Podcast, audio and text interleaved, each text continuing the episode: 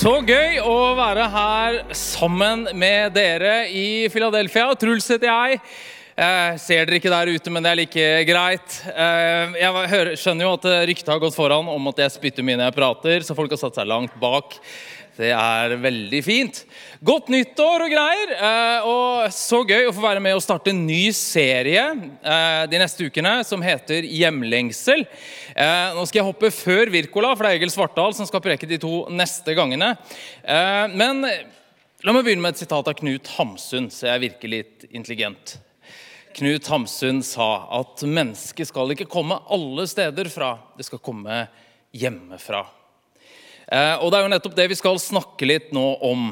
Eh, denne hjemlengselen. For det er jo sånn at Alle kommer vi fra et sted. Alle er vi på vei et sted. Vi blir født, og vi dør, og vi har utfartstrang og vi har hjemlengsel. Eh, men når vi skal snakke om hjemlengsel, så er det liksom ikke lengselen til huset eller hytta eller mors kjøttkaker, men det er liksom denne litt dypere lengselen som jeg tror at alle mennesker bærer på. Et vagt minne om at vi ble båret inn i livet med en hensikt og større hender enn vi har selv. Og Kirkefader Augustin han sa det sånn som dette her, at Gud, du har skapt oss til deg. Og våre hjerter er urolig inntil de finner hvile i deg.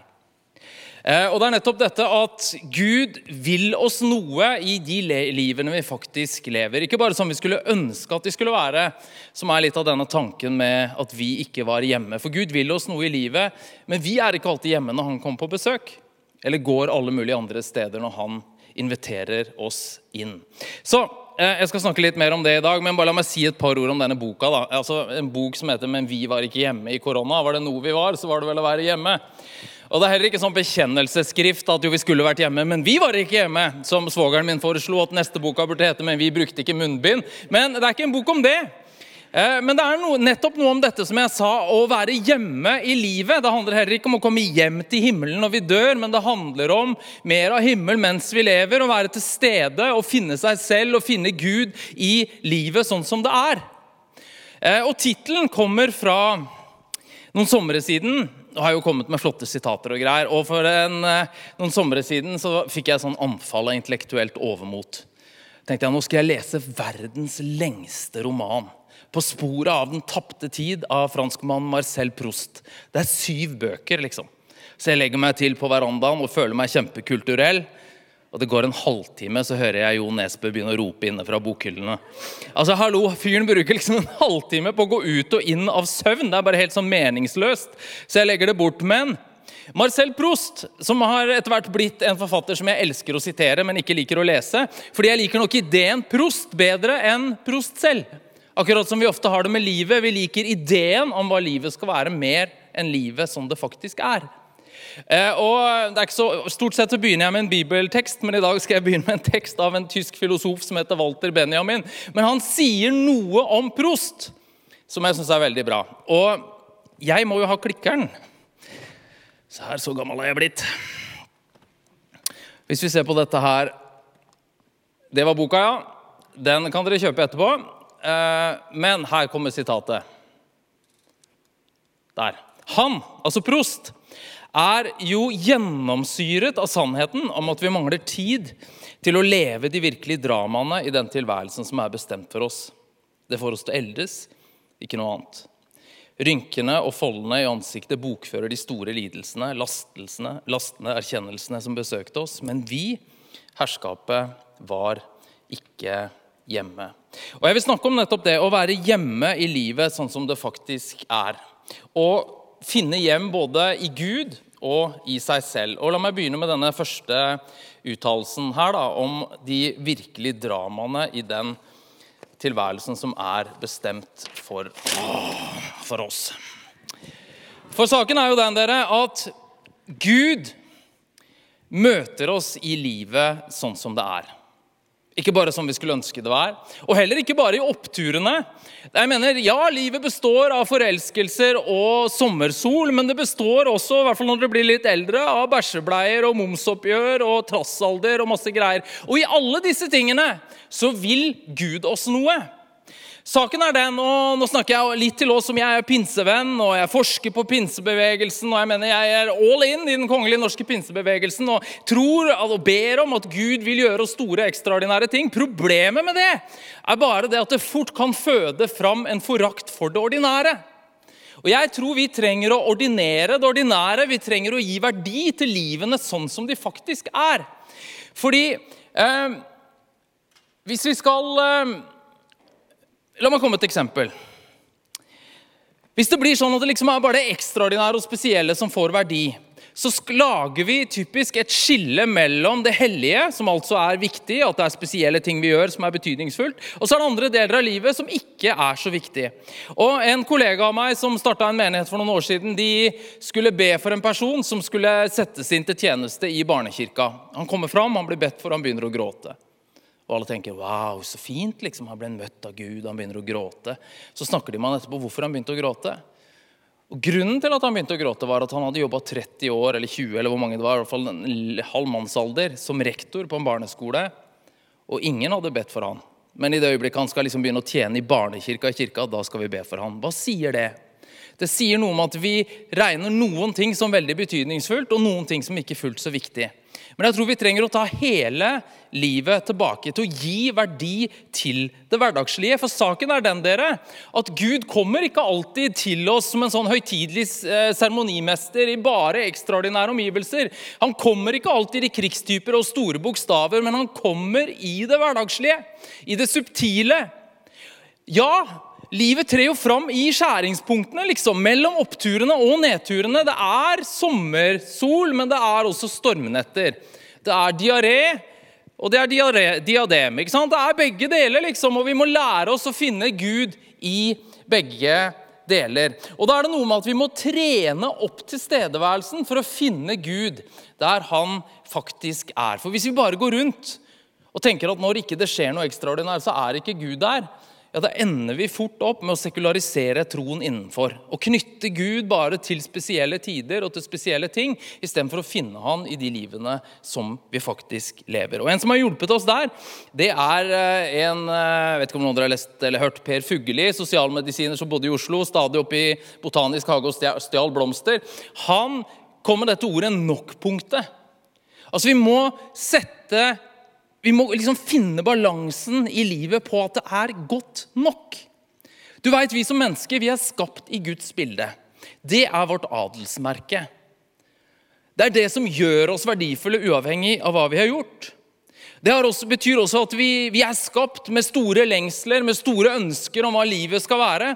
Problemet er bare at det er ikke bare vårt adelsmerke, det er også vår akilleshæl. For det gjør at vi fort ikke finner verdi om ikke vi får til noe spesielt. Og jeg tenker at Dette, dette settes litt på steroider da, i vår kultur, hvor vi hele tida må bygge vår identitet utenfra på sosiale medier, og alle skal opp og fram og få det som Andy Warhol på, på 60-tallet kalte 'In the future everyone will have 15 minutes of fame'. Alle skal ha sin berømmelse. Vi må liksom opp og bli kjent. Vi må få masse likes for at livet skal være verdt å leve. Det sier vel sitt at I 2014 så var det flere i Sverige så var det flere som søkte seg til Paradise Hotel enn til landets lærerutdanninger. Men dere, da må vi gi verdi til det hverdagslige. Da må vi finne nok-punktet, for det er helt greit å leve et helt greit liv. Du veit at spotlighten er ikke stor nok til at alle blir berømte. Og Hvis livet ditt blir lite verdt å leve, hvis ikke du, liksom, du blir hyllet av alle andre, ja, men da må vi finne nok-punktet. Som sier at dette er godt nok. Vi må lære oss å sette og avstemme kapasitet og krav. La meg være veldig personlig med deg nå. For fire og et halvt år siden så starta kona mi og jeg sammen med noen andre en menighet i Skien, Salt Skien. Takk for det. Nå kommer noe som ikke er noe å juble så mye for. I fjor høst så måtte jeg kaste inn håndkleet fordi jeg har fibromyalgi. Det er en sånn mystisk diagnose liksom, som gir mye smerter og lite energi.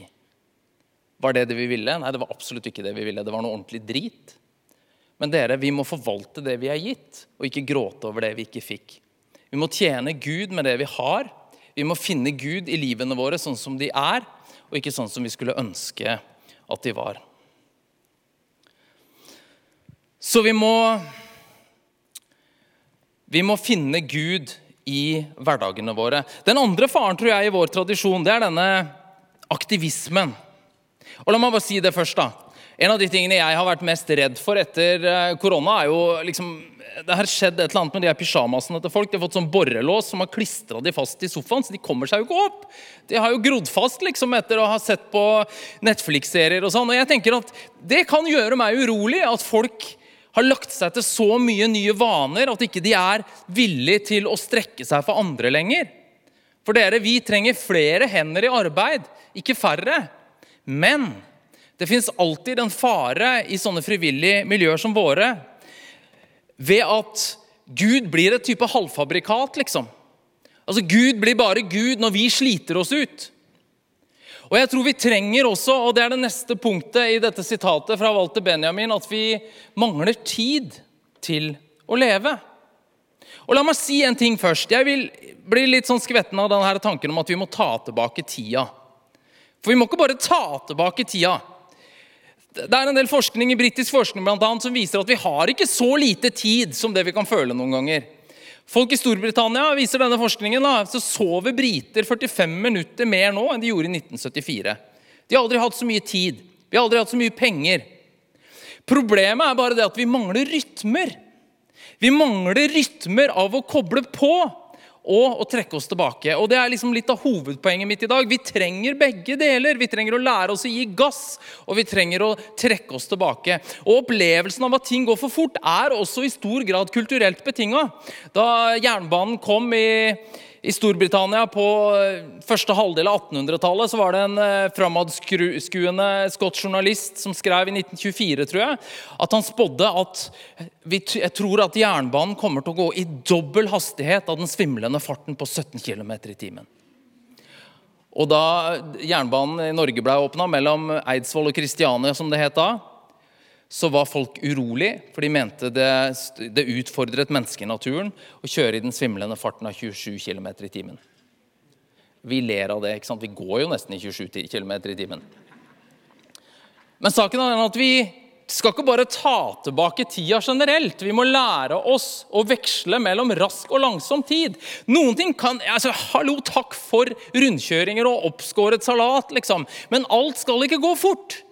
Du skal ikke komme deg gjennom en solnedgang som en bruksanvisning fra Ikea eller en Beethoven-symfoni som, uh, som, en tunnel på Vestlandet, liksom. Noen ting skal gå sakte. Og jeg tror at vi trenger i livene våre å lage rytmer hvor vi Yes, vi skal lene oss inn, men vi skal også trekke oss tilbake. fordi hvis du gjennom uka klatrer lenger og lenger opp den ene stigen, ja, men Av og til må du gå ned, og så må du se at den stigen faktisk står reist mot riktig vegg. Og Samme i kristenlivet. Hvordan kan vi vite at det er Kristus vi følger, og ikke bare en eller annen karikatur som har fått tak i mikrofonen? Da må vi ta et steg tilbake. Vi må lage marg i livet vårt. Altså jeg begynte jo, Dere vet, ser jo på håret mitt at jeg er gammel. og Jeg husker jo overgangen fra steintavler til papir. liksom. Og når jeg gikk på skolen, så fikk vi utdelt sånne skrivebøker. og Vi skulle lære skjønnskrift og sånn. og Det første vi måtte gjøre, det var å tegne opp en marg. Ja, Hvorfor det? Det er jo dårlig fra naturvernhensyn. liksom. Vi må jo bruke hele sida og skrive ut overalt. Nei, men hvorfor hadde vi marg? Det var jo fordi læreren skulle kunne gi oss noen kommentarer underveis. Sånn må vi gjøre i livet vårt òg, dere. Vi må leve med marg. Vi må ikke fylle tida oss så tettpakka at det ikke fins noe rom for at Gud kan tale til oss. For at vi kan finne hjem i vårt eget liv og ha rom og ro til å reflektere. Jeg tror jeg lider av noen tvangslidelser, da. og en av dem det er bokstavrim. Altså Jeg tenker i bokstavrim, jeg skriver i bokstavrim. Hvis du kikker i boka mi, så er det fire deler. Alle begynner på T. Og i den ene T-en, som heter tid, så er det fire praksiser, og alle begynner på S. Søvn, sabbat, solotid. Søvn. Hvordan i all verden kan det bli en åndelig disiplin? Jo, men saken er den I vår tid så er selv søvnen utsatt for press. Filosof på Universitetet i Oslo, Arne Johan Vettelsen, han skriver om det døgnåpne mennesket. At vi har ikke av- og på-knapp lenger. Det er liksom mer som at vi bare setter oss selv i dvalemodus. Og det gjør noe i oss. Og selv søvnen kommer under press. Hvem er det ikke som har følt på det når det egentlig er tid for å legge seg, at du burde sitte litt til? For det er så mye som skulle vært gjort. Men dere, hva da? Altså, jeg mener, Vi er skapt av støv, ikke av stål. Hva da om vi legger oss i tro til Gud og tenker at når jeg legger ned og legger meg til å sove og legger ned min verden, så holder Gud verden oppe? Da er søvn en åndelig disiplin. Og hør på dette her av en utrolig klok mann som heter Leif Gunnar Engedal. Han sier dette her. At å bli trøtt og ikke makte mer, og kjenne grensene for egen yteevne og si nei og skuffe andres forventninger Alt dette er i utgangspunktet skapelse, ikke synd. Det skal mottas i takknemlighet, ikke bekjennes som svik. Vi må øve oss i å elske grensene og ikke forakte oss selv i dem. Det samme gjelder stillhet. er At vi trenger av og til i en travel uke. Og hør meg riktig nå, jeg snakker ikke om at du skal flytte langt ut i skauen og dyrke dine egne grønnsaker og ikke treffe noen. Jeg snakker om at du skal lene deg inn og du skal bidra.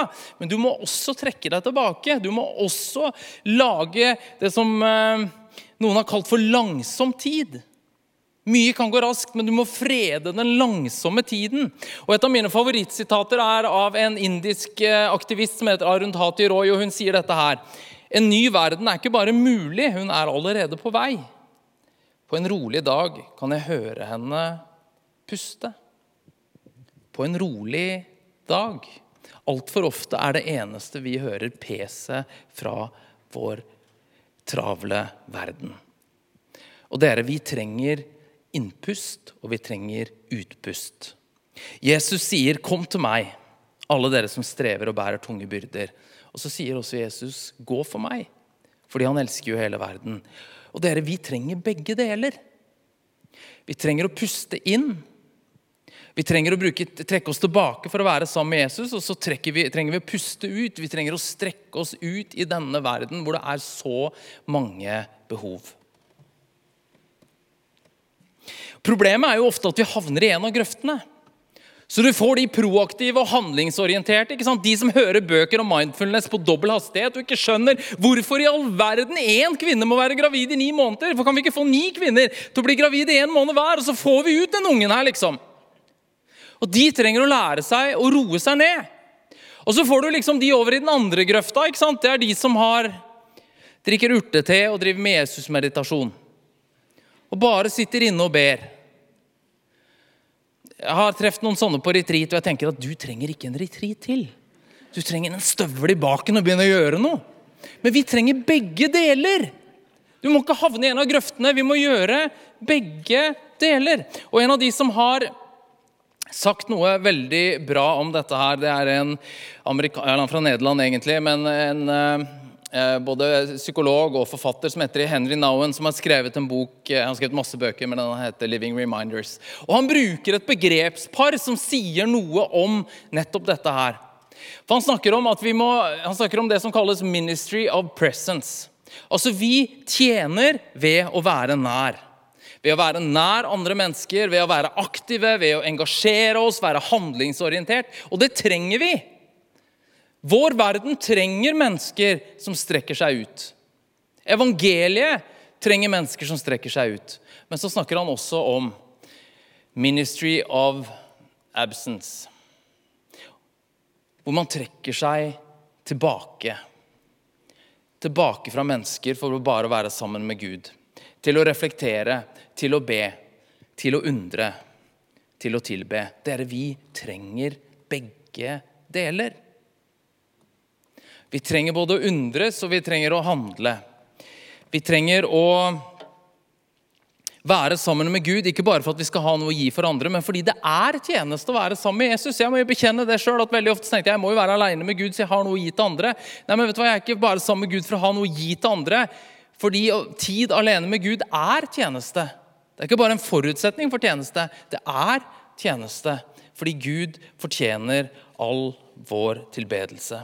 Så dere, vi trenger disse rytmene. Vi trenger å strekke oss ut, og vi trenger å trekke oss tilbake. For dette handler ikke om å komme inn i den åndelige spa-avdelingen. Og la oss gå litt inn for landing her nå.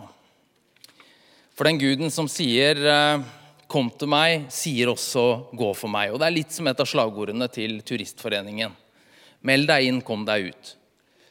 Det er en fantastisk oppsummering av det kristne livet. egentlig. Det handler om å komme til Gud, det handler om å gi seg inn i et fellesskap, og så handler det om å strekke seg ut. Og Jeg skal avslutte med å snakke om en av de mest kjente velkomstene i hele Bibelen. Og Det er Lukas som skriver det i kapittel 15. Det er Jesus som forteller det. og Han sier det i en kontekst at han får masse pepper av de religiøse lederne fordi han henger med feil folk. Og Så forteller Jesus denne fortellingen om en far som har to sønner. Og En dag så kommer den yngste sønnen til faren og så sier han at du, jeg vil ha min del av arven. Det er så stygt. Det er som å be faren om å dø, liksom. Men far tar ham på alvor og deler eiendelene mellom seg. og Etter noen få dager så har sønnen solgt eh, alt sammen, og han drar til det som Lukas beskriver som et land langt borte. Jeg digger den beskrivelsen. Hadde han vært mer presis, så kunne vi skrive oss ut av fortellingen, men vi har alle vært der. Vi har vært i landet langt borte. Vi har kanskje ikke gjort det han gjorde. Der kasta han bort alt på drug, sex and rock'n'roll. Og når pengene var tomme, så ble det hungersnød i landet. Han ender opp med å passe griser. Han er så sulten at han begynner å bli misunnelig på maten som grisene spiser. Så står det at han kom til seg selv. Så begynner han å tenke på far. Og han begynner å forberede en uh, forsvarstale så han skal gå hjem til far og så skal han si at eh, far, jeg har syndet mot himmelen og mot deg. Jeg er ikke lenger verdig å kalles din sønn. Men la meg i hvert fall få være som en av tjenestekarene dine. Så begynner han å gå hjemover. Men pappa sitter ikke sur og venter. Pappa ser han langt borte og springer han i møte. Det er brudd på skikk og bruk i denne kulturen. Gamle folk springer ikke. Men denne mannen springer, for han ser sønnen sin. Og han kaster seg rundt halsen på ham, og han kysser ham, og han gir han ring på fingeren og sko på føttene og drar i gang en heidundrende fest. Jeg veit ikke hvor du er som er her i dag, eller som ser på, på dette online hvilken vei du har gått. Om du har beveget deg bort fra Gud. Men uansett hvor langt du har kommet, så er det ikke bare som Augustin sa, at våre hjerter er urolig inntil de finner hvile i Gud. Guds hjerte er også urolig inntil vi kommer hjem til Han. Jeg veit ikke hvor du er, jeg vet ikke hva du har gjort, men uansett så springer Gud deg i møte og ønsker deg velkommen hjem. Og drar i gang en fest fordi det som var tapt, er funnet det som var dødt, har fått nytt liv. Men lyden av fest får fram noe grums i en annen bror. Det bor nemlig en annen bror der òg. Det står, Lukas skriver at han var ute på marken. Jeg tenker at han var helt på jordet. Fordi når han hører at det er fest for broren, så går han fullstendig baklås. Fordi denne broren han har nemlig sittet over Excel-arkene sine, og hele relasjonen med faren er basert på transaksjoner. Du har gitt meg så mye, da har jeg så mye til deg. Og nå kommer lillebror og liksom kortslutter hele greia. Han har jo brukt bort pengene sine. Ryktene har gått. Han har brukt opp alle pengene sine på prostituerte, og nå skal det liksom bli fest når han kommer hjem. Ja, hva med meg, da, sier den andre broren. Altså, Jeg har gjort alt riktig her. Jeg har vært her hele tida. Mens meg har du ikke gitt et kje engang, så jeg kan ha fest med vennene mine. Så sier faren til han at barnet mitt, du er alltid hos meg. Alt mitt er ditt. Og Det burde vært som en tretrinnsrakett som skøyt han ut på en reise i et univers av kjærlighet, men han sitter så fast i sin egen Sin egen forståelse av at regnestykket må gå opp. At man må gjøre seg fortjent. Og hele fortellingen begynner, avslutter med at han blir stående der, og far ønsker han inn. Og kanskje er det noen her som er der også. Du har gjort alt riktig. Men Gud har blitt en arbeidsgiver. Og du blir en litt sånn surmaga martyr liksom, som ikke klarer å se gleden at det kommer en inn og liksom møter nåde og godhet, mens du har støvsugd her i 15 år og blir så sur når noen søker det popkorn på det gulvet som du har støvsugd. Og Guds relasjon er liksom bare blitt et sånn regnestykke av gi og få. Vet du hva Gud sier til deg? Du er barnet mitt. Du er alltid hos meg. Alt mitt er ditt. Og så, så sier Henry Nowen at målet er ikke Vi kan alltid komme som disse to sønnene, men målet, sier Henry Nowen, er at vi skal bli som far. Og hør på hva han skriver. Som far ble jeg ikke lenger kalt til å komme hjem som den yngste eller den eldste sønnen, men til å være der og ta imot villfarne barn med glede. Det er veldig vanskelig å bare være hjemme og vente. Det er å vente i sorg over dem som har reist, og vente med håp om å kunne tilgi og gi nytt liv til dem som vil komme hjem. Å leve ut dette åndelige farskapet krever den radikale livsholdningen å forbli hjemme. Dere, å komme hjem er ikke det samme som å bli hjemmesitter. Men det handler om å bli lik Gud. Vi kan komme til Gud, vi kan ta imot Hans nåde, og så inviteres vi til å bli lik Han. Til å være sånne som ønsker andre velkommen. Dere, vi er elsket, men vi er også kalt til å vise denne kjærligheten til andre. Vi er funnet, men vi er også kalt til å søke. Vi har fått kommet hjem, men vi er også kalt til å søke andre og invitere andre mennesker hjem. Herre, takk at du springer oss i møte. Takk at du sier til oss at vi er barna dine, at vi alltid er hos deg, og alt ditt er mitt. Herre, du, du, kjenner oss alle her bedre enn vi kjenner oss selv. Og jeg ber om at du skal komme til hver og en av oss og kalle oss hjem til deg. Og så ber jeg om at denne menigheten og andre menigheter som vi tilhører, Herre, at vi skal bli fellesskap som strekker oss ut. Ikke forstrekker oss, ikke tjener deg så mye at vi brenner oss ut, men gir alt det vi har, på en sunn måte. Finner hjem i oss selv, finner hjem i deg. Og så strekker vi oss ut til en verden som trenger å se og høre om din kjærlighet. Fyll oss med din ånd og gjør oss lik deg.